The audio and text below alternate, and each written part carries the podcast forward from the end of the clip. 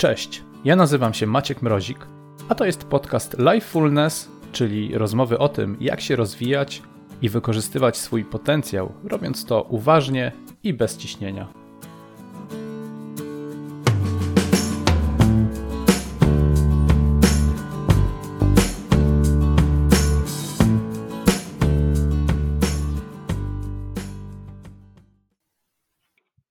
Moim dzisiejszym gościem jest Ania Karios-Koczylas, która jest, no jak sama o sobie mówi, w pierwszej kolejności socjolożką, e, doradcą rodzicielskim i trenerką Family Lab, e, a jednocześnie autorką bloga bezkarinagród.pl, który polecam i myślę, że Ania pewnie też poleca. Cóż, cześć Aniu. Cześć Maciej. E, dobrze. Właśnie tak no to rozmawialiśmy tuż przed tym nagraniem, że ja to mam zawsze tak e, chyba nieudolnie przedstawiam e, swoich gości. Może mnie w tym trochę wesprzesz i może coś dodasz do tego, co ja powiedziałem. Wiesz co, nie, no w sumie powiedziałeś tak jak jest. Ja się właśnie tak przedstawiam, że jestem socjolożką, to jest moje główne wykształcenie, ale moim głównym zajęciem aktualnie jest właśnie wspieranie rodziców. E, ja to tak nazywam na krętych ścieżkach rodzicielstwa, e, rodziców, którzy chcą wyjść e, z takiego tradycyjnego modelu wychowania, chcą odejść od mm, takich autorytarnych metod, od tych, które znamy z własnego domu. Więc ja pomagam tym rodzicom właśnie zmienić ten punkt widzenia, tak naprawdę trochę tworzyć na nowo ten swój mały świat, bo jesteśmy w takim momencie, nasze społeczeństwo jest w takim momencie, w którym próbuje stworzyć coś, czego nigdy nie widziało na własne oczy. Czyli wiemy, mhm. że nie chcemy wychowywać, wiemy jak nie chcemy wychowywać naszych dzieci, wiemy mniej więcej jak chcemy, ale nie potrafimy tego robić, bo nie mieliśmy okazji tego obserwować. Więc tak. ja właśnie jestem mhm. taką osobą, która mówi, że okej, okay, możesz, wiem, że chcesz inaczej, ale ci nie wychodzi, to jest okej. Okay tak? Uczysz się, próbujesz, nie musisz być idealnym rodzicem. No dokładnie. Trudno jest te nawyki, które gromadziliśmy przez całe swoje życie, nagle zmienić na jakieś inne. I tu mówię o takich nawykach w myśleniu po prostu. I dzisiaj w ogóle właśnie będziemy się skupiać jakby na tak trochę w duchu e, tematu głównego tego podcastu, czyli na rozwijaniu siebie e, w kontekście bycia e, rodzicem. Ale myślę, że też można będzie wyciągnąć z tego takie bardzo uniwersalne, uniwersalną wiedzę na temat tego w ogóle, na temat życia w relacji z innymi ludźmi, bo dzieci to przecież ludzie, tak? Więc tak. zasady funkcjonują bardzo podobne. A Family Lab mm, to jest taka organizacja, bo ja jestem, tak jak też Ci wspominałem, mało mało mam pewnie wiedzę w temacie w ogóle mm, różnych organizacji, które się zajmują wychowaniem dzieci i e, więc jeżeli mogłabyś trochę opowiedzieć o tym, co to mhm. jest? Tak, to jest międzynarodowa organizacja, której założycielem był Jesper Juhl, e, pedagog, terapeuta rodzinny pochodzenia duńskiego. Jego misją było właśnie wspieranie rodziców e, w takim świadomym wychowaniu i stworzył tę organizację, która ma już tak naprawdę oddziały na całym świecie. Ja jestem właśnie członkiem e, polskiego oddziału, to jest u nas jako fundacja. E, mhm. Zrzeszamy trenerów, którzy w całej Polsce wspierają rodziców, prowadzą seminaria inspirujące, e, szerzą wiedzę propagowaną przez Jespera Jula, który jest też autorem wielu podręczników dla rodziców, książek. On tak trochę skromnie prosił zawsze, żeby nie przypisywać mu jakiejś wielkiej teorii, wielkiej pedagogiki czy filozofii. Natomiast y, rzeczywiście w swoich książkach zebrał taką wiedzę ważną, która może być realnym wsparciem dla rodziców. Takim na mnie osobiście, czytając jego książki, one działają bardzo terapeutycznie. To jest człowiek, który też był wychowany w duchu autorytarnego wychowania, wie z czym to się wiąże, wie jakie są tego konsekwencje i teraz po prostu w tych swoich publikacjach y, pokazuje rodzicom, jak można inaczej, tak? dlaczego warto inaczej, z czym to się wiąże w ogóle. Więc bardzo polecam jego książki, bardzo polecam też w każdym mieście właściwie w Polsce, w większych miastach są trenerzy Family Lab. Może teraz w tych dziwnych czasach e, seminaria są mm, rzadkością, ale są, można też skorzystać e, przez internet, z webinarów mhm. trenerów Family Lab, także polecam serdecznie. Mówiłaś o tym, że taki ten tradycyjny Mm, znaczy, że to, to, w czym pomagasz, w czym wspierasz rodziców, to w wyjściu z tego tradycyjnego modelu. Tradycyjnego, czyli jakiego? W sensie, co, czego my się w ogóle nauczyliśmy? No pewnie większość z nas e, też żyła e, w takim, w takim modelu wychowawczym, tradycyjnym, bo to pewnie nie tylko w Polsce, bo e, tak jak mówisz, sam Jesper Jul jest, jest czy był? Był, niestety. Był. Mhm pochodzenia duńskiego, w związku z tym Skandynawia również, więc pewnie Europa, pewnie w ogóle cały świat bardzo podobnie funkcjonuje, przynajmniej ta, ta zachodnia część tak zwana. Czyli, e, czyli jak, o jakim modelu mówimy o tym, z którego chcemy trochę wyjść? To znaczy tak, ja bym podzieliła to pytanie na dwie części. Mhm. Trochę e, najpierw zacznę od końca, czyli e, Skandynawia, ja bym powiedziała, że się różni bardzo w podejściu do wychowania do dzieci. My dopiero dążymy do tego modelu dla mnie osobiście jest to wzór e, tego, jak można szanować dzieci, jak można podchodzić do nich właśnie w sposób podmiotowo. Dzieci mają większe prawa, dzieci się słucha, dzieci się uwzględnia. My, u nas to dopiero raczkuje, ale jakby coraz więcej jest też i takich placówek e, wychowawczych i pedagogów, którzy działają w ten sposób, którzy się szkolą jakoś w tym modelu skandynawskim. Natomiast tak, tradycyjny model wychowania, czego my się, jakby w czym wzrastaliśmy? z czym to się je? To chodzi o to, że mamy takie patrzenie tradycyjne na wychowanie dzieci, że dziecko musi być posłuszne, dziecko musi szanować rodzica. Dzieci, czasami jeszcze się mówi, dzieci i ryby głosu nie mają, tak? E, no. Jakieś takie oczekiwania wo wobec dzieci, żeby spełniały wymagania, dopasowały się, siedziały grzecznie, w ogóle samo sformułowanie grzeczne dziecko, tak? Że nie wolno się złościć, nie wolno bić, trzeba się dzielić, E, jeżeli się zachowujesz dobrze, robisz to, o co cię proszę, zasługujesz na pochwałę, e, jestem z ciebie zadowolona. Jeżeli robisz źle, nie tak jak ja chcę, nie tak jak ja oczekuję, zasługujesz na karę, naganę, krytykę. I to nazywam tradycyjnym modelem wychowania. Idąc dalej, w moim odczuciu jest to przedmiotowe traktowanie dziecka. Tak jak powiedziałeś, że dziecko też człowiek. Tak. I staram się mm, zawsze wytłumaczyć y, to rodzicom, którzy przychodzą do mnie na pierwszy raz na konsultacje czy na warsztaty. Okej, okay, od czego w ogóle zmienić ten sposób myślenia, tak? Jeżeli mówisz do dziecka, źle się zachowujesz, uspokój się natychmiast, a jednocześnie wierzysz, że dziecko jest też człowiekiem, to dlaczego tak do niego mówisz? Czy powiedziałabyś tak do swojej przyjaciółki? Uspokój się, nie histeryzuj, daj spokój. E, po co ci kolejna torebka, po co ci kolejna sukienka, masz już w domu 10, tak jak mówimy do dziecka w sklepie, masz w domu słodycze, masz już mhm. 5 e, samochodzików, tak? Więc o taki sposób e, jakby przeformułowania w ogóle postrzegania dziecka jako właśnie indywidualnej jednostki, jako człowieka, jako osoby, która ma swoje potrzeby, ma swoje wartości, może mieć swoje upodobania, ma swoje nastroje, emocje i ma do nich prawo. Mhm. No one są wyrazem potrzeb pewnie, tak? Najczęściej. Tak. No i od czego zacząć? Jakby, okej, okay, rodzice, kiedy przychodzą do ciebie, to zaczynasz od tego właśnie odwrócenia y, trochę sposobu myślenia o dziecku. I co jeszcze? Okej, okay, dziecko nie, jakby nie traktowanie przedmiotowo. I, i co, co, co jeszcze, co dalej? To znaczy, jak y, rodzic do mnie przychodzi, to nie jest tak, że zawsze jakby wychodzę od tego. Mhm. E, odpowiadam na potrzeby rodzica. Jeżeli rodzic przychodzi do mnie z konkretnym problemem, dziecko jest agresywne, dziecko nie odnajduje się w otoczeniu, w środowisku rówieśniczym, e, jest e, na przykład rozpad związku, tak, rozwód i dziecko to przeżywa, uzależnienie od mediów, tak, od internetu, od gier, y, w zależności od tego, z jakim problemem rodzice do mnie przychodzą, to ja tak rozmawiam, żebyśmy dotarli do tak naprawdę do źródła problemu i żeby zmienić właśnie ten sposób myślenia o tym, że dziecko nie jest po to, żeby je naprawić, dziecko nie jest problemem do rozwiązania, tylko że problem może być gdzieś zupełnie in, indziej. I pracując z rodzicem, wychodzę z takiego założenia, że to rodzic ma odpowiedzialność, to rodzic jako osoba dorosła, starsza, bardziej doświadczona, ma wpływ na te relacje, ma wpływ i jest odpowiedzialny za to, co się dzieje między nim a dzieckiem.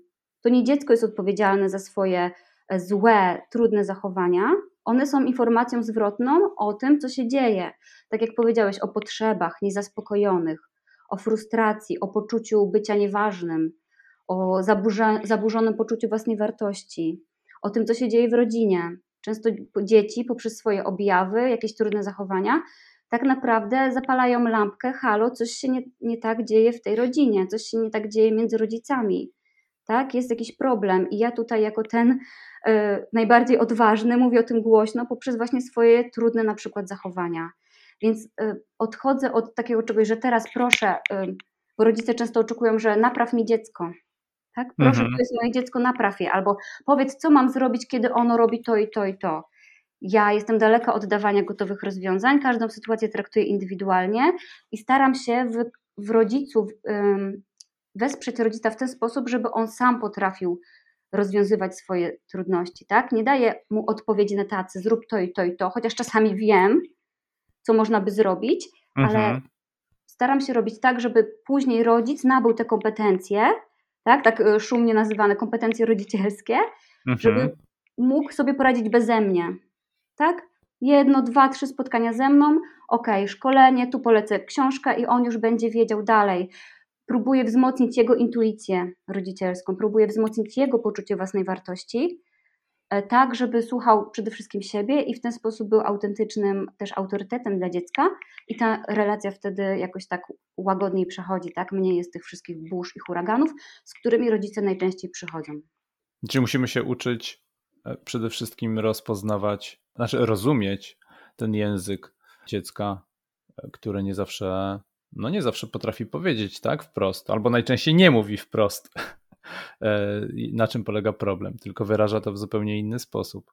Mhm. I też przede wszystkim słuchać siebie, tak? ufać sobie, nie patrzeć też na oczekiwania społeczne, na to, co sąsiadka robi, mama mi doradzi, teściowa, pani na przykład, yy, nie wiem, nauczycielka, tak? co mówi, proszę coś zrobić z tym dzieckiem, bo ono ma problem, tak? To dziecko ma problem.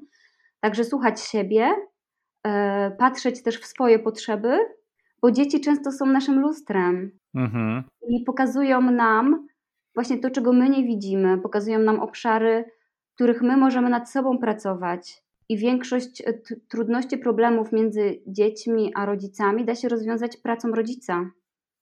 I to jest takie cudowne, że kiedy rodzic zaczyna właśnie tak zwany rozwój osobisty, tak, zaczyna się tym interesować, zaczyna e, właśnie pracować ze sobą, może bardziej niż nad sobą, tylko ze sobą, rozwijać się, mm, leczyć jakieś rany z własnego dzieciństwa, odkrywać dlaczego, dlaczego mnie to tak wkurza, że moje dziecko, e, nie wiem, śpiewa głośno podczas posiłku na przykład, albo kręci się na krześle. Co mi to robi, nie? Czemu mnie to wkurza? Bo to nie jest tak, że każdego rodzica by to wkurzało. To nie jest tak, że to jest obiektywnie złe zachowanie dziecka e, nieakceptowalne, bo jednego mhm. rodzica będzie to denerwowało, innego nie. I dlaczego akurat mnie to wkurza? Jeżeli idziemy dalej, poznajemy siebie, poszerzamy swoją y, samoświadomość, to tak naprawdę to dziecko wtedy reaguje na to i, i jakoś tak rezonuje z nami. I, no i ta relacja jest łatwiejsza. My lepiej rozumiemy dziecko, bo lepiej rozumiemy siebie. Jesteśmy w stanie zaakceptować więcej zachowań dziecka, bo jesteśmy ok sami ze sobą. Jakby tak to działa, ja to tak widzę. Mhm. No, tak w ogóle y, też ocenianie, znaczy ciągła ocena wszystkiego, co się dzieje w ogóle dookoła. Chyba jesteśmy tego uczeni od, e, już od, e, od wczesnych lat i w całym w ogóle systemie edukacji, akurat w Polsce, tam na pewno e, jest system ocen i jesteśmy oceniani po prostu od samego początku i uczymy się, że wszystko, co robimy, to jest oceniane. W związku z tym uczymy się oceniać też innych i, i to nam zostaje. I, I tak samo pewnie podchodzimy później do, a zresztą do wszystkiego, nie tylko do dzieci, ale do, do wszystkich ludzi. Ja mam też, e, myślę, taki, tak dużo pracy poświęciłem w ogóle na to, żeby zminimalizować ten odruch, ten nawyk oceniania wszystkiego, co się dzieje dookoła każdego człowieka. E, to, to, to, to, jest, to jest strasznie trudne, wydaje mi się, kiedy to, kiedy to funkcjonuje. Jest to tak głęboko zakorzenione w głowie, że po prostu wszystko podlega ocenie. I to jest trudno się tego oduczyć, tak. Tak, to jest wielka sztuka i całe porozumienie bez przemocy mówi o tym, żeby odróżniać ocenę od obserwacji, o tym, że ocena jest bardzo krzywdząca, że jest subiektywna, że, tak na, że prawdziwe piękno możemy odkryć właśnie wtedy, gdy widzimy człowieka, jego zachowanie, jego potrzeby, że wszyscy mamy te same potrzeby i ocena jest bardzo krzywdząca i ocena zamyka dialog, ocena zamyka, może też zepsuć relacje. No właśnie, często w ogóle no ocena, no właśnie jest krzywdząca, bo rzadko mamy jakby wgląd w pełny kontekst, że tak. widzimy tylko wycinek, tak, widzimy tylko jakiś element zachowania, a, a to, to, to jakby jest tylko, tylko mały fragment. I, tak. i, i ten kontekst jest, jest dużo szerszy. Mi się od razu nasuwa przykład na, przy, przykład na przykład dziecka, które zmęczone po, po szkole czy po przedszkolu właśnie reaguje agresywnie, jest marudne, e, sprzeciwia się rodzicom. Oni widzą tylko to jedno zachowanie, jego, tak? Zachow e, zatrzymują się na tym zachowaniu, a nie widzą, że miał trudny dzień, że pokłócił się z kolegą, że pani coś na niego krzyknęła, że się nie wyspał, że jest głodny, że chce mu się siku na przykład i tego wszystkiego nie widzą, widzą tylko to zachowanie, zatrzymują się na tym zachowaniu i oceniają dziecko jako niegrzeczne. A właśnie nie znają tej całej historii i my też oceniamy ludzi, oceniamy innych rodziców, tak?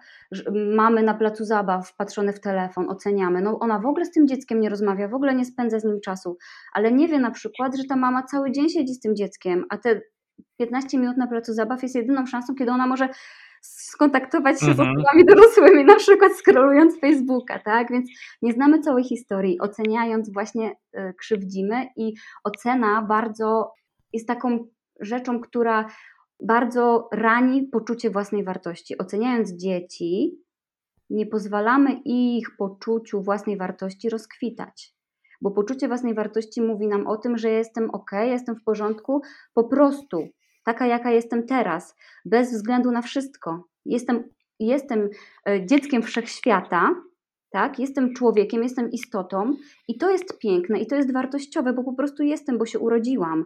I moi mhm. rodzice powinni mnie kochać za to, że jestem ich dzieckiem, nie za to, że spełniam ich oczekiwania, że mam dobre oceny w szkole, że wyglądam tak, jakby chcieli, że ubieram się tak, jakby by chcieli, że mam wykształcenie takie, jakie oni sobie wymarzyli, że żyję takim życiem, jakie oni dla mnie napisali.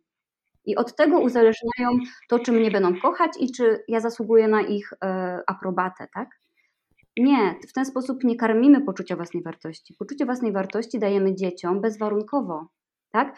Kochamy ich bezwarunkowo za to, że są naszymi dziećmi. Tak powinno być w idealnym świecie. I tego dzieci najbardziej pragną, i to buduje ich poczucie własnej wartości.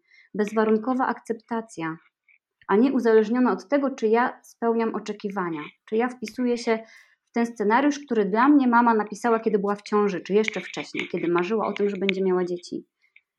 Tak, to chyba bardzo powszechna taka projekcja własnych, jakichś niezrealizowanych na przykład celów w życiu e, na, na, na nasze dzieci. Chcielibyśmy, żeby e, miały więcej niż my, żeby zrobiły rzeczy, których my nie zrobiliśmy.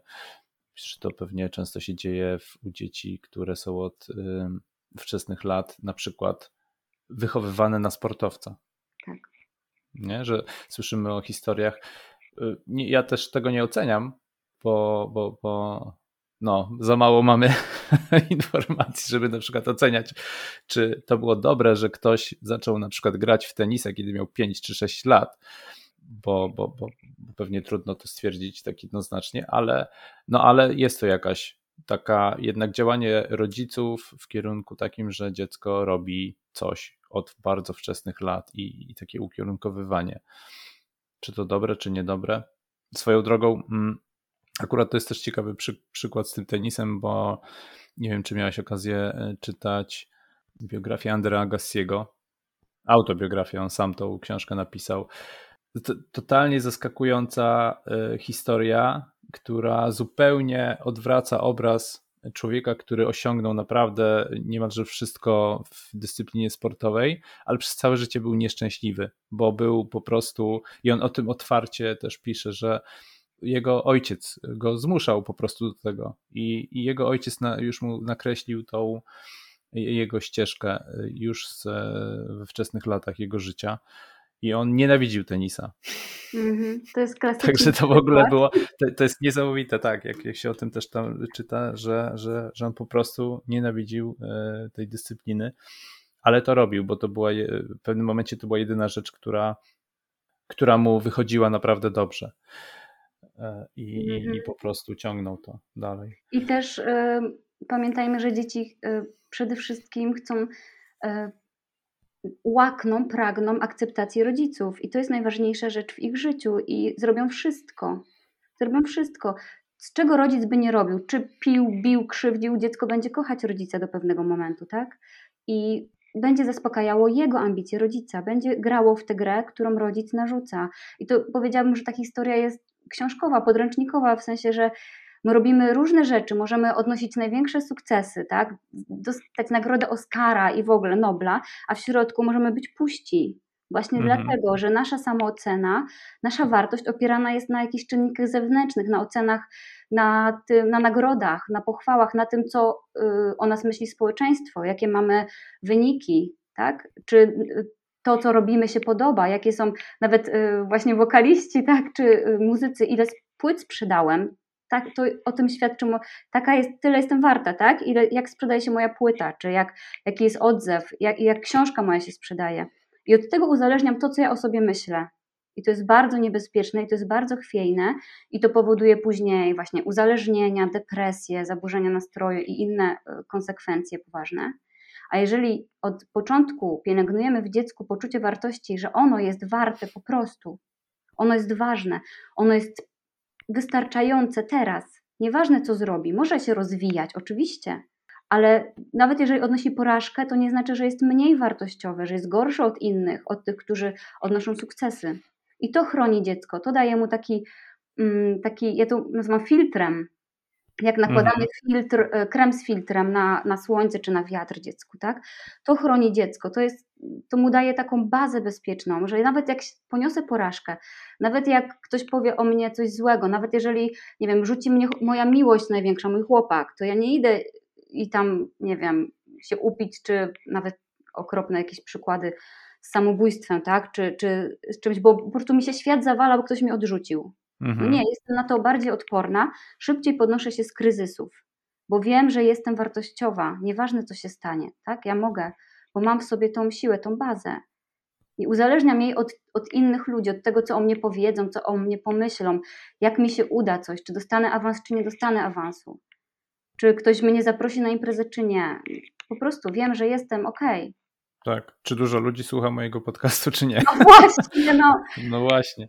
Tak, y, trudno jest się z tym nie identyfikować, bo rzeczywiście jakby często robimy coś też w jakimś celu, tak, i zależy nam na czymś, ale, ale z drugiej strony no, warto jest budować taką świadomość swojej własnej wartości i tak jest tworzyć własne środowisko taki, takiego psychologicznego bezpieczeństwa. Tak, ja często podaję te przykłady z celebrytami, bo one tak naj, najmocniej przemawiają do ludzi, że możesz mieć kasę, możesz mieć piękną, piękne wille, samochody, a i tak y, gdzieś później znajdują ciało w hotelu, tak? Narkotyki i to wszystko, bo mhm. w środku jest ta pustka.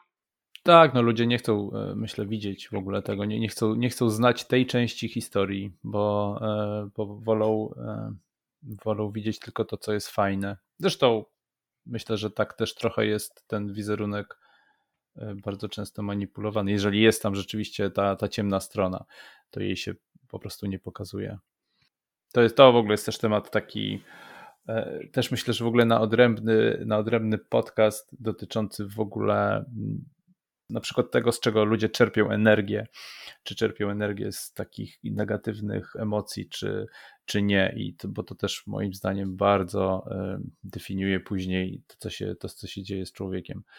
A tych historii jest całe mnóstwo, właśnie takich z tą ciemną stroną, pomimo ogromnych sukcesów. Mm, mówiłaś mm, w ogóle tytuł bloga Bez kar i nagród.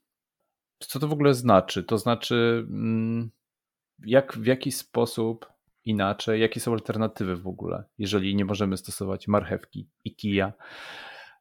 To swoją drogą jest też, nie wiem, czy czytałeś kiedyś e, taką książkę książkę profesora Blicklego chyba, i w której wydaje mi się, że to była doktryna jakości. W każdym razie tam jest taka koncepcja marchewkija. E, jest, jest coś takiego, czyli każda jakby marchewka e, w pewnym momencie staje się kijem, czyli obiecana nagroda za coś e, stanie się automatycznie kijem w postaci jakby nieotrzymania tej nagrody. W pewnym momencie już sobie tak ją projektujemy, tak ją mm, e, wizualizujemy tą nagrodę, że już mamy wrażenie, że ona jest nasza, a potem jak nam się nie uda, albo jak już jesteśmy blisko, wiemy, że jest ciężko, nie, nie damy rady czegoś dokończyć, to się to staje po prostu kijem i, i, i ten brak nagrody, tak. Więc jak to jest w ogóle właśnie, e, jakie są alternatywy, jeżeli nie, nie stosujemy kar i nagród? To ja bym powiedziała, że może, że nie, nie możemy, nie, nie możemy stosować kar i nagród, jeżeli wybieramy taką drogę, jeżeli jesteśmy świadomi, że kary i nagrody nie są wspierające dla naszych dzieci, to mamy alternatywę, tak? E, to, co powiedziałeś o tym kijomarchewce, jest bardzo mhm. spójne z tym, e, co ja, jakby w co ja wierzę. E, nagroda jest drugą stroną medalu kary. To jest zupełnie ten sam mechanizm. Brak mhm. nagrody staje się karą. No tak? dokładnie. I to jest y, nagrody i kary, pochwały, krytyka, y, to jest oceny w szkole, to, to są oceny. My oceniamy, oceniamy człowieka, oceniamy dziecko. To nie jest wspierające. Tak jak już mówiliśmy o tym wcześniej, tak? Warunkując, warunkując, czyli uzależniając to, jak my się zachowamy względem dziecka, jak, jak, jak budujemy tę relację. Jeżeli dziecko E, dostanie piątkę, to my e, gratulujemy, cieszymy się, chwalimy, jesteś cudowny, najmądrzejszy, kupujemy, nie wiem, lody, ucztujemy, świętujemy. Jeżeli dostaniesz jedynkę, to ty matole, ty co ty zrobiłeś, znowu ci się nie udało, musisz się tam i dokręcamy śrubę, tak? To nie jest dobre. To pokazuje dziecku, że jak robię ok, to jestem ok, jak robię źle, to, to, to, nie, to jestem zły, tak? Mhm. Dziecko zaczyna w to wierzyć, patrzeć bardziej na zewnątrz niż na siebie nie słucha siebie, nie pyta siebie, czy ja chcę uczyć się tej matematyki, czy mi to spra sprawia frajdę, po co mi to jest potrzebne, jak mnie to rozwija i tak dalej. Zamykamy jakby, dusimy w zarodku tę naturalną motywację wewnętrzną dziecka, która popycha y, je do rozwoju, bo każde dziecko chce się rozwijać, każde dziecko interesuje się światem, eksploruje. E, chce być coraz mądrzejsze, coraz więcej wiedzieć, a jeżeli my nastawimy go, jego uwagę przekierujemy na to, właśnie na te oceny zewnętrzne, na to, co my o nim sądzimy, co inni o nim sądzą, to on zatraca to, co jest w nim, co jest w środku. Jakby zagłusza ten, przestaje słuchać siebie, słucha tylko świata, tego, co inni o mnie myślą. Mama każe, no to się nauczę. Tak? Mama nie mhm. każe, to się nie nauczę jest sprawdzian, no to przycisnę, zdam, zakuję, zdam, zapomnę, nie? Nie uczę się po to, żeby później wiedzieć w sklepie i podzielić sobie albo wziąć raty na telewizor i jaki procent i tak dalej, czy tam kredyt y, na mieszkanie i jeszcze bardziej poważniejsze sprawy w przyszłym dorosłym życiu. Nie uczę się po to, tylko uczę się po to, żeby właśnie uniknąć kary albo dostać nagrodę. Mhm. Dokładnie, no tak, tak jest. Alternatywą jest e, po prostu unikanie tego. Jest właśnie bezwarunkowa akceptacja, jest właśnie obserwowanie dziecka, bycie z dzieckiem i odzwierciedlanie tego, co ono dostało jedynkę. Okej, okay, jak się z tym czujesz? Czy, czy czujesz się dobrze, że dostałeś jedynkę? Czy chcesz coś z tym zrobić? Jak mogę ci pomóc? Albo okej, okay, dostałeś piątkę. Jak się z tym czujesz? Dużo się napracowałeś? Zależało ci na tej piątce?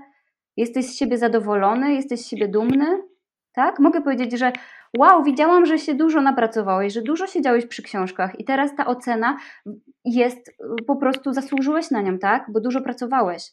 I widzimy, mówimy to, jak my, co to, co to nam robi. Ja jestem z, siebie, z ciebie dumna, na przykład, tak? Cieszę się, że ty się cieszysz, że dostałeś piątkę. Nie? A nie, jeszcze nie mhm. podkręcamy tego, że wow, super, ekstra i w ogóle. Y, nie dodajemy wartości jeszcze do tych ocen zewnętrznych, nie? Tylko właśnie kierujemy na środek dziecko, do środka. Co, jak ono się z tym czuje, co, jak ono się z tym ma, co mu to robi. Nie, że, że, że właśnie udało mu się, nie wiem, pokonać kolejny poziom w grze. Nie, jak ono się z tym czuje. E, I, I, to jest budowanie tej samoświadomości, kierowanie do centrum, do środka, wspieranie poczucia własnej wartości, tego, że później dziecko mając jakiś problem, e, jakąś rozkminę, to będzie potrafiło sięgnąć do siebie, do wewnątrz, nie będzie potrzebowało jakiejś e, sztucznej regulacji emocji na przykład, tak? czy jakiegoś doradzania takiego, gdzie mogłoby sobie samo poradzić. Nie? nie będzie do nas musiało dzwonić w wieku 30 lat, mamo, co mam zrobić. Nie? Zawsze mi mówiłaś, co mam zrobić, to teraz też mi powiedz, co mam zrobić. Nie? Tylko będzie potrafił zajrzeć w siebie i zapytać, czego chce. Czy chce y, podjąć taką pracę, czy taką, mieszkać tu, czy tam, wybrać takiego chłopaka, czy takiego, nie? Mhm. Będzie wiedziało, czego chce i czego potrzebuje, co lubi, co mu sprawia przyjemność. Tak wiele osób tego nie wie, kim jest, kim chce być, co, co ja lubię, co mnie relaksuje, jak w ogóle, jak, co mnie złości, nie? Czemu wybucham. dopiero musi się tego uczyć w wieku 30-40 lat.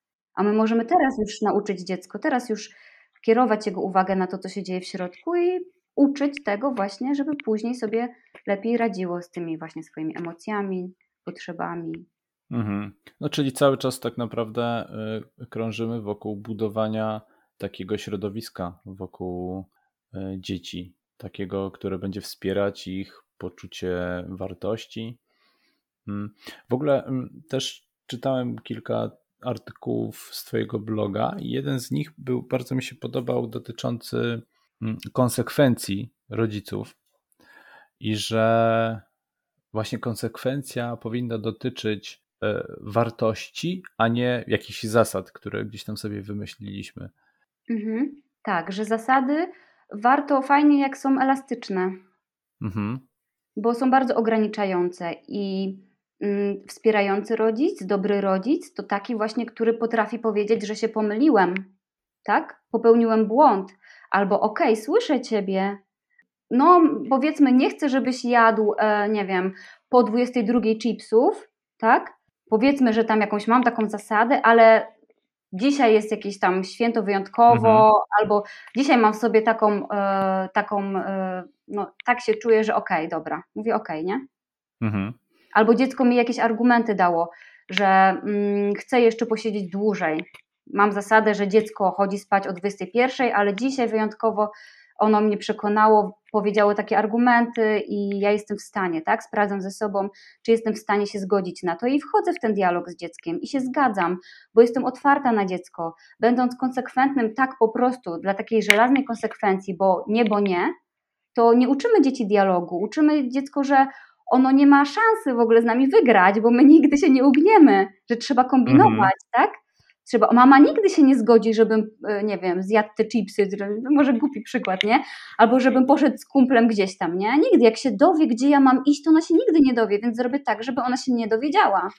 Kombinuję, nie? Okłamuję, e, bo wie, że nie ma w ogóle szansy, że rodzic nie wysłucha. A my możemy dać dziecku przestrzeń na to, żeby powiedziało o tym, czego potrzebuje, jak to jest u niego, i wtedy sprawdzamy ze sobą. To nie znaczy, że mamy się zawsze zgadzać, ulegać, ale rozmawiajmy, mhm. pozwalajmy dziecku mówić o tym, czego chce, czego potrzebuje, wtedy ono, no, budujemy to zaufanie i szacunek, tak? Wtedy ono te, też odwzajemni się nam tym samym. Też będzie nas słuchało, bo my słuchamy jego.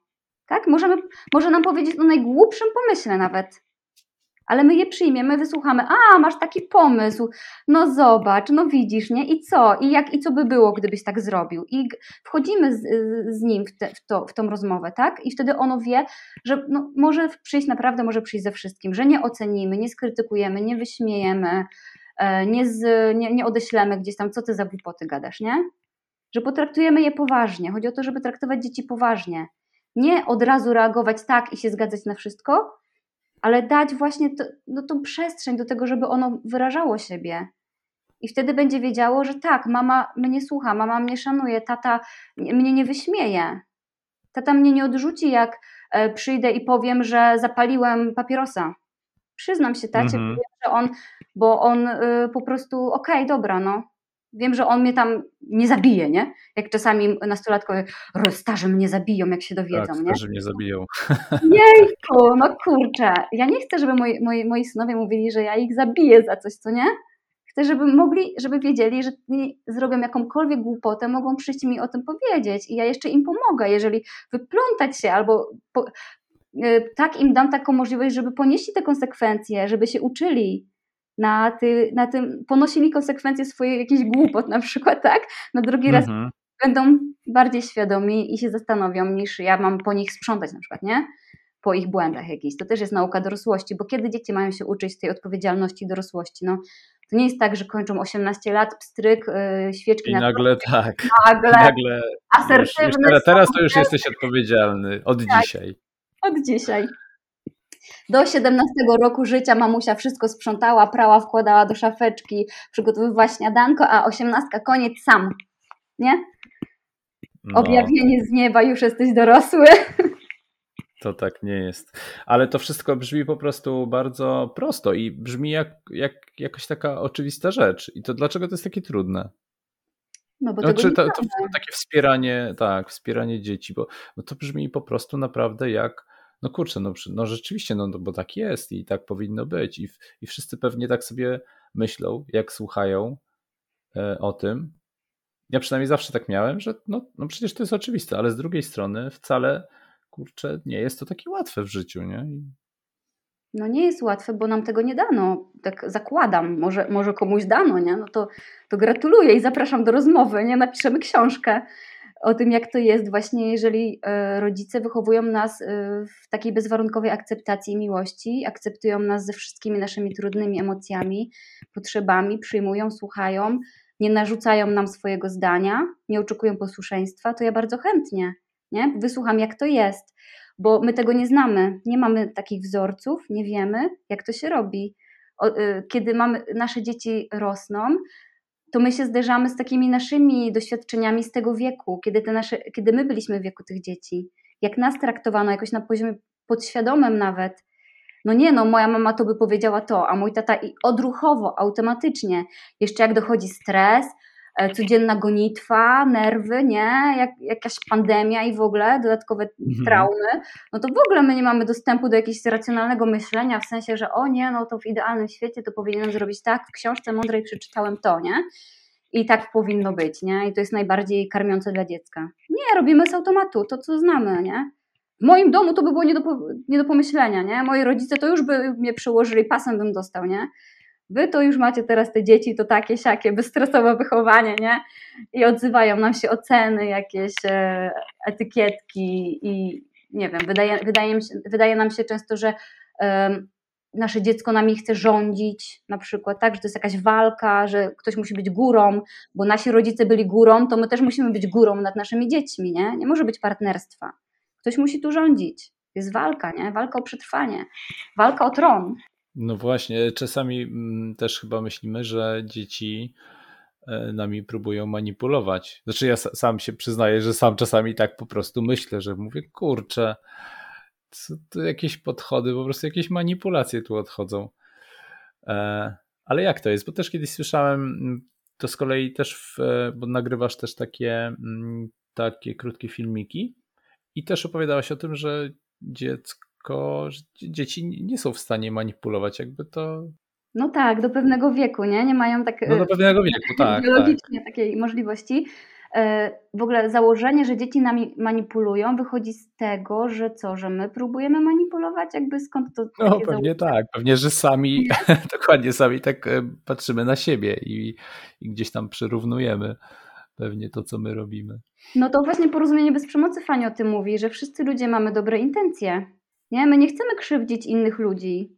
E, Przynajmniej na początku dzieci się rodzą, z, Jesper Jul pięknie o tym mówi, z potrzebą współpracy, współdziałania z rodzicami. Dzieci, e, to już mówiłam wcześniej o tym, one pragną z nami być w relacji pięknej, harmonijnej, zgodnej, bliskiej i, i wszystko co najlepsze. Nie chcą nami rządzić. I w to, e, rozumiem, są wyposażone po prostu przez naturę. To jest jakby takie wyposażenie człowieka, każdego, który się rodzi, takie naturalne zupełnie. Takie oprogramowanie, tak, yy, domyślne oprogramowanie, że na współpracę. Tak, mogą, mogą współpracować wprost lub nie wprost, to już jest jakby inna sytuacja, ale reagują na to, co my robimy w odpowiedzi na nas. Jeżeli my, my współpracujemy, my jesteśmy wrażliwi, my jesteśmy uważni, one też są uważne na nas. Jeżeli my zakłócamy gdzieś tutaj tę współpracę, one odpowiadają tak, jak potrafią.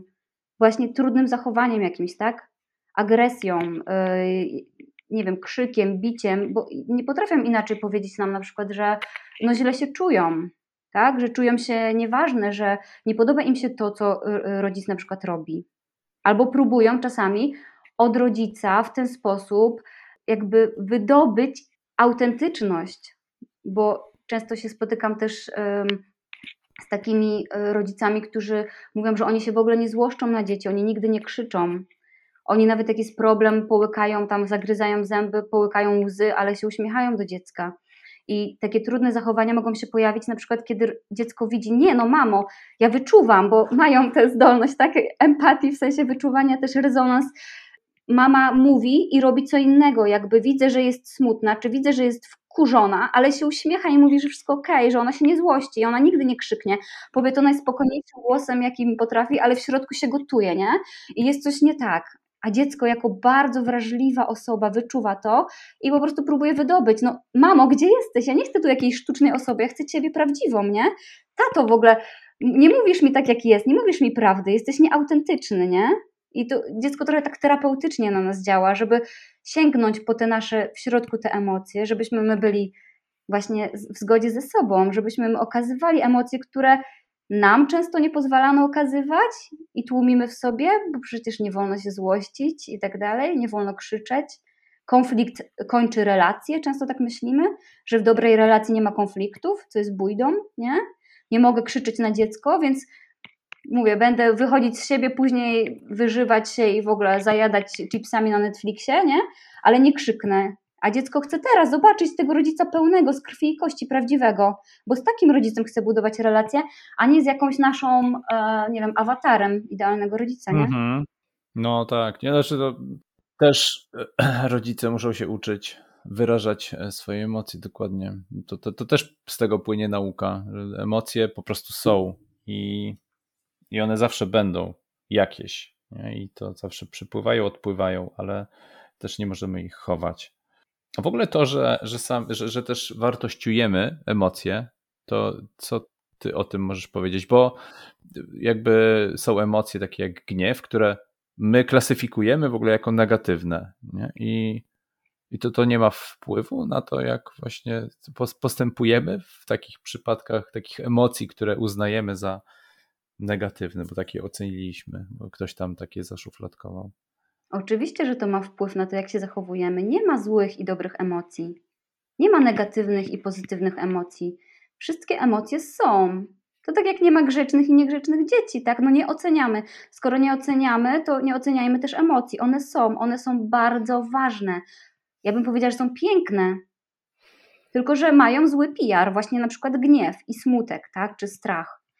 E, bo nam w dzieciństwie nie pozwalano na te emocje, gdzie się właśnie chowano, kazano, nie wiem, karano nas, jakie okazywaliśmy, więc my mamy wdrukowane, że nie, no, nie można się złościć, nie można, y, nie wiem, bić i tak dalej, nie?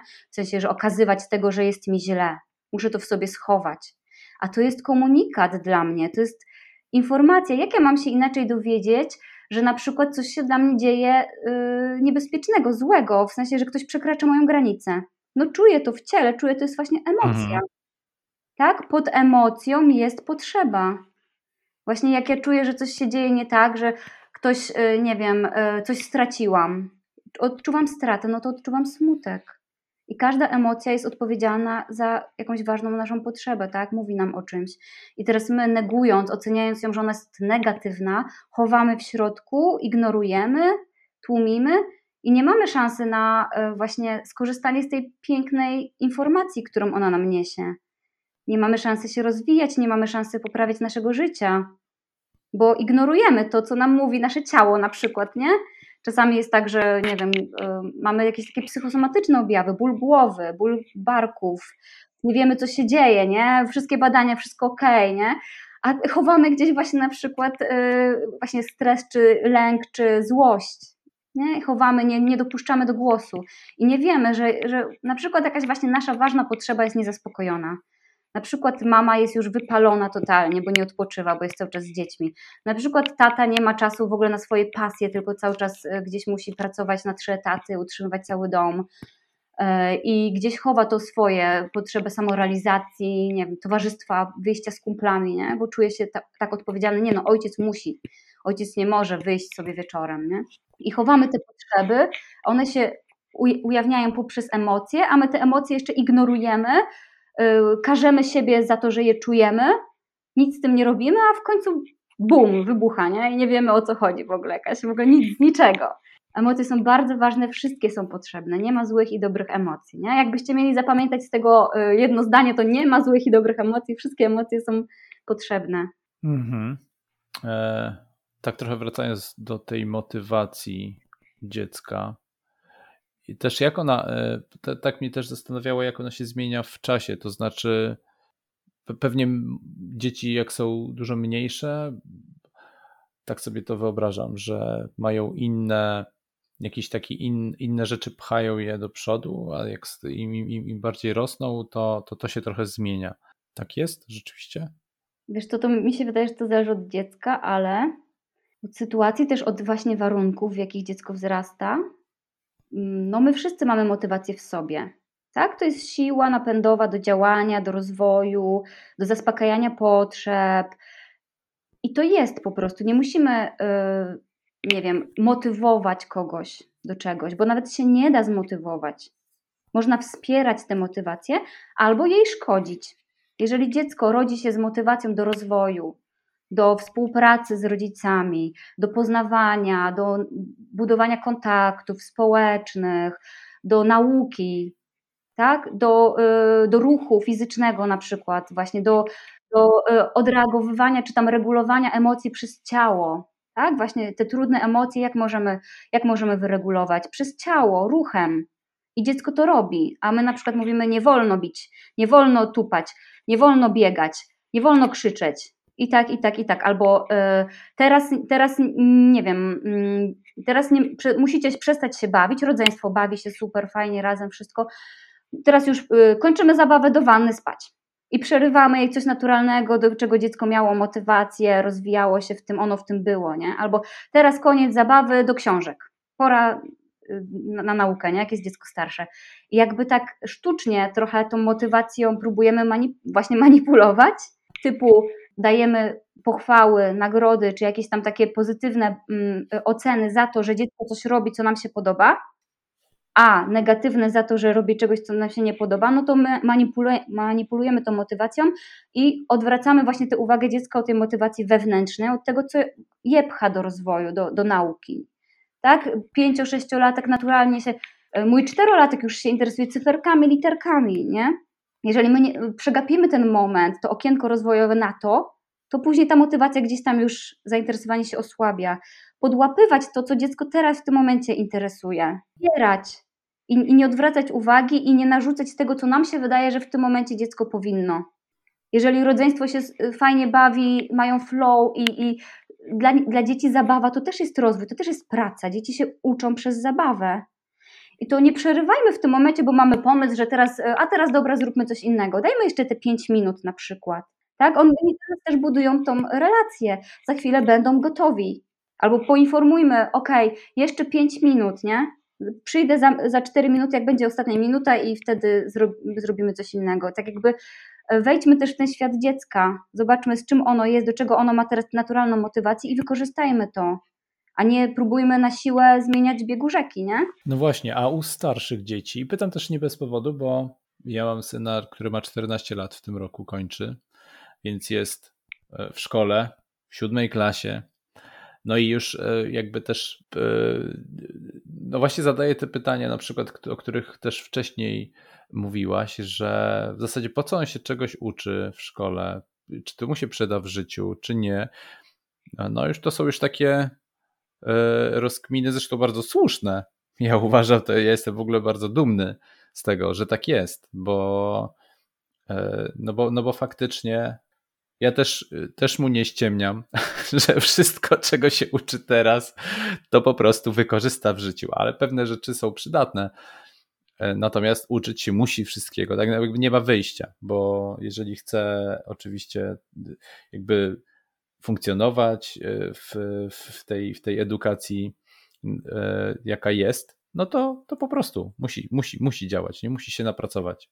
I co z takim, e, z takim już starszym, z taką młodzieżą właściwie, co robić, jak wspierać?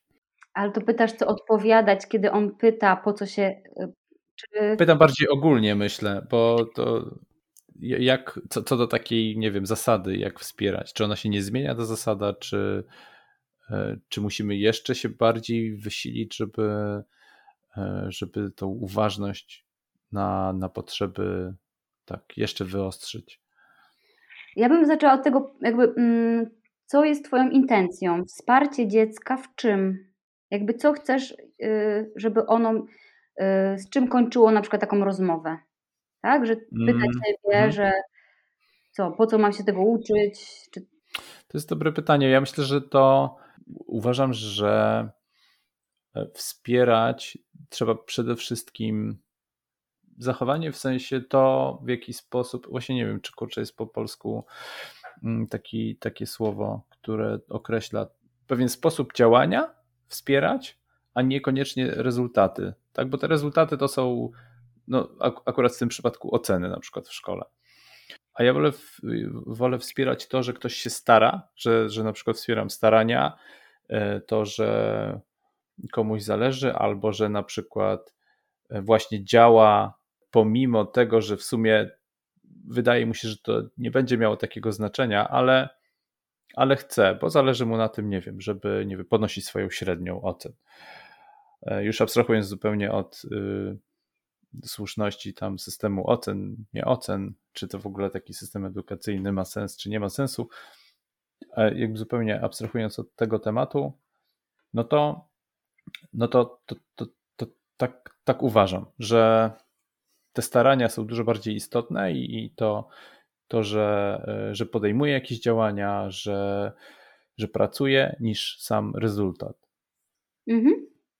Tak, to właśnie mi się skojarzyło z tym, jak to mówiłeś, yy, trochę, żeby pamiętać o tym, co jest dalej, nie? Myśl, tak poszerzać perspektywę, w sensie, yy, że nieważne, może mniej ważne jest teraz, co jest teraz, ważne, co jakby jakie wartości przekazujemy dziecku, z czym ono skończy tę siódmą klasę, ósmą, później pójdzie do szkoły średniej, e, żeby jakby nie gasić pożarów też, tylko jakby mm, zasiewać ziarno, które może wykiełkować za jakiś czas. I zaczęłabym od tego układania sobie, bo powiedziałeś takie zdanie, że on musi, jest w tym systemie, więc on musi robić wszystko.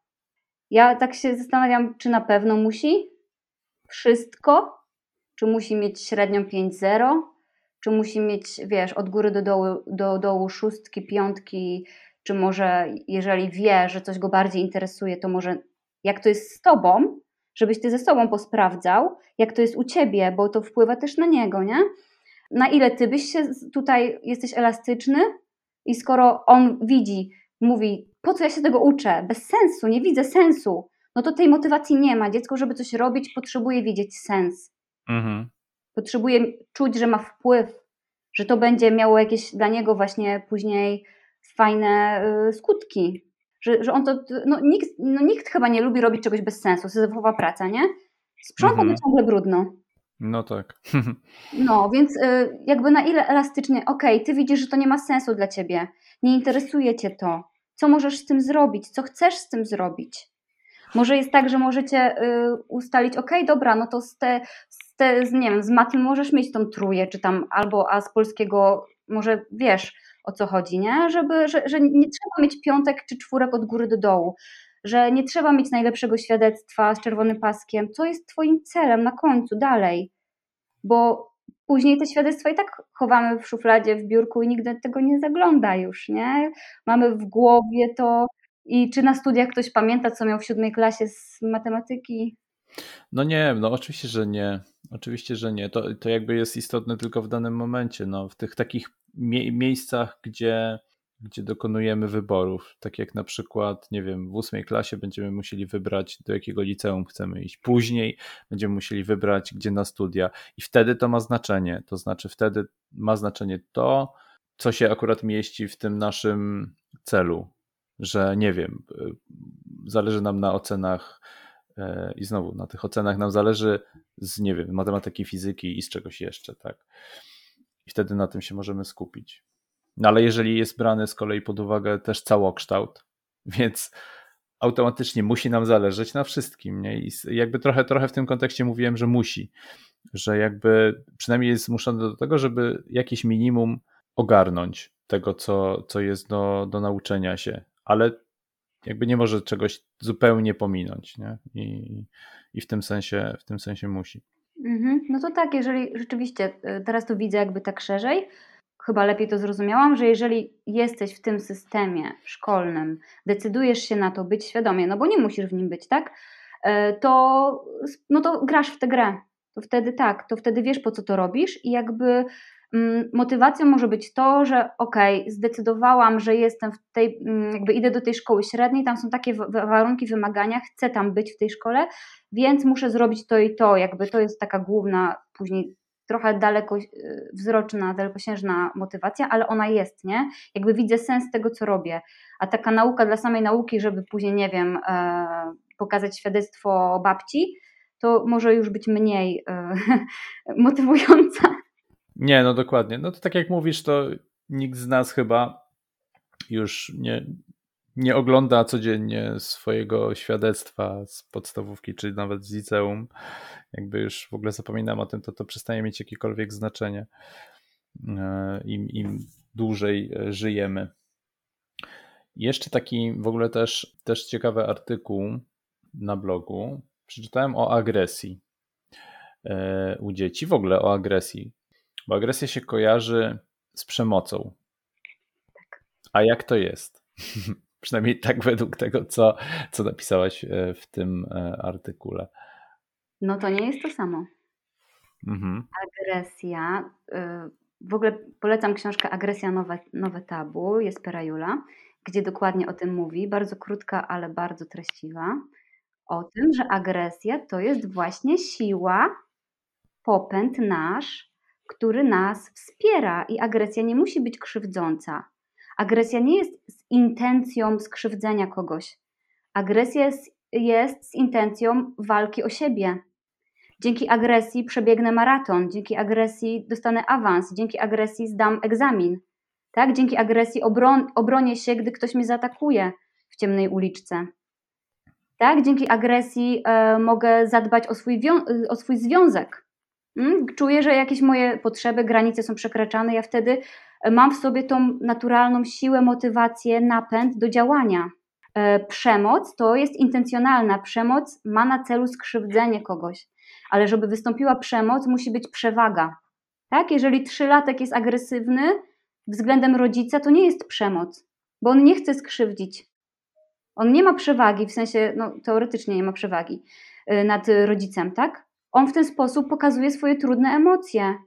On w ten sposób odreagowuje ten sposób się frustruje, nie potrafi inaczej, nie potrafi powiedzieć, e, nie potrafi zahamować tych impulsów, to one są naturalne, wychodzą. Zanim pomy nie pomyśli, po prostu robi. Dopiero później patrzy, nie? co się stało. I to nie jest e, jakby karanie dziecka w tym momencie, jest w ogóle mija się z celem, tłumaczenie, jakieś tam monologi długie i kazania.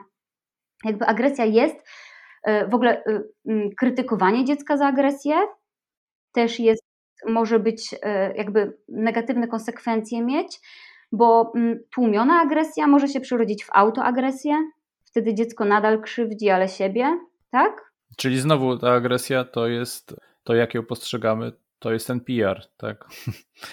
Że znaczy, albo nie nazywamy po prostu, e, nazywamy agresją przemoc, ale tak naprawdę to jest coś zupełnie innego. E, przemocą agresję nazywamy, przemocą agresję. Tak, tak, tak, tak, tak, tak dokładnie. Mhm. Tak, a agresja może właśnie e, być. E, że, znaczy, to, jakby to jest, tam jest znak równości, jakby w naszych głowach, że agresja równa się przemoc. Mhm. Że to mhm. tylko z tym nam się kojarzy, nam się kojarzy z czymś takim negatywnym. Mhm. No też cała historia nasza, tak? Jeszcze jesteśmy pokoleniem, które pamięta gdzieś naszych dziadków z okresu wojennego i jakby każdy przejaw właśnie, właśnie agresji tak, kojarzył się z jakimś niebezpieczeństwem i dlatego próbujemy trochę tę agresję wyrzucić y, z naszego społeczeństwa.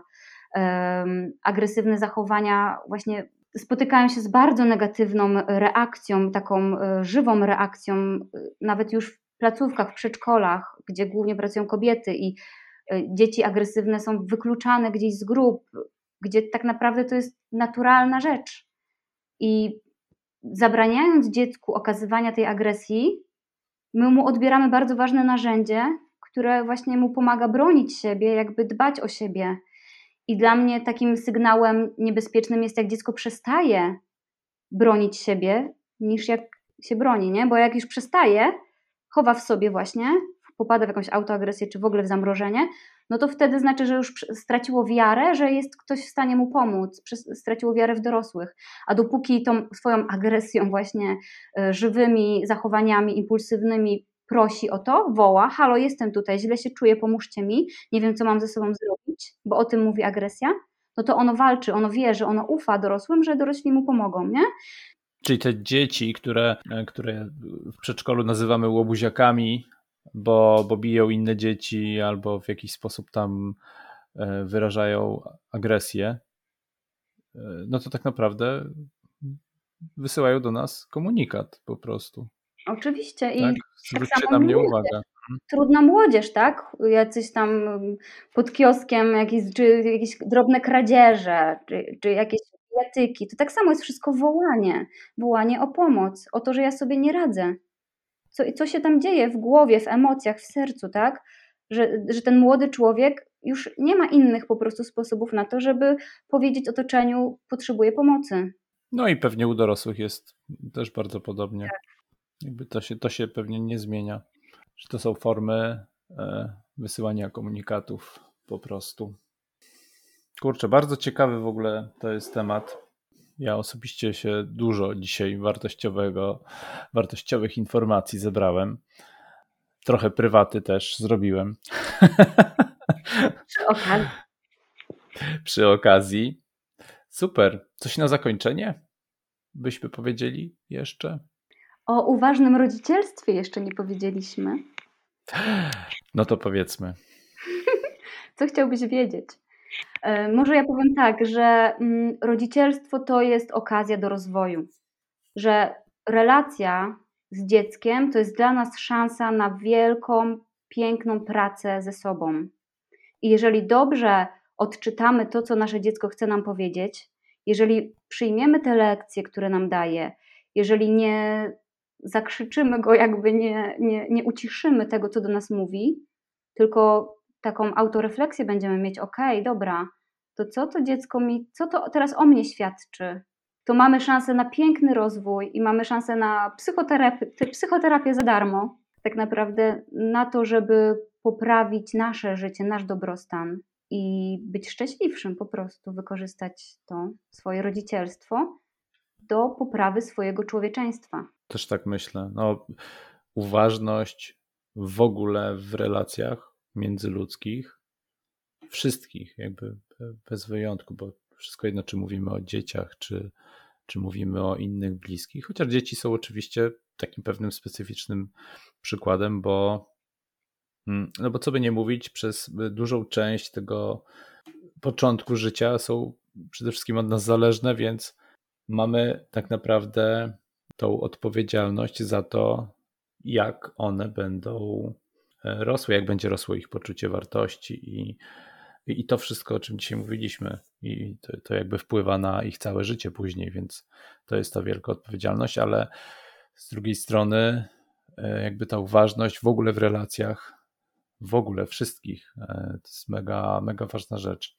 I uważność też na własne potrzeby. Tak, przede wszystkim. Tak, uczymy się po prostu całe życie i uczymy się też od dzieci. Dobrze. Strasznie dziękuję. Nie wiem, czy strasznie to jest w ogóle e, takie słowo, które pasuje do podziękowań. Bardzo dziękuję. E, bardzo fajnie się rozmawiało.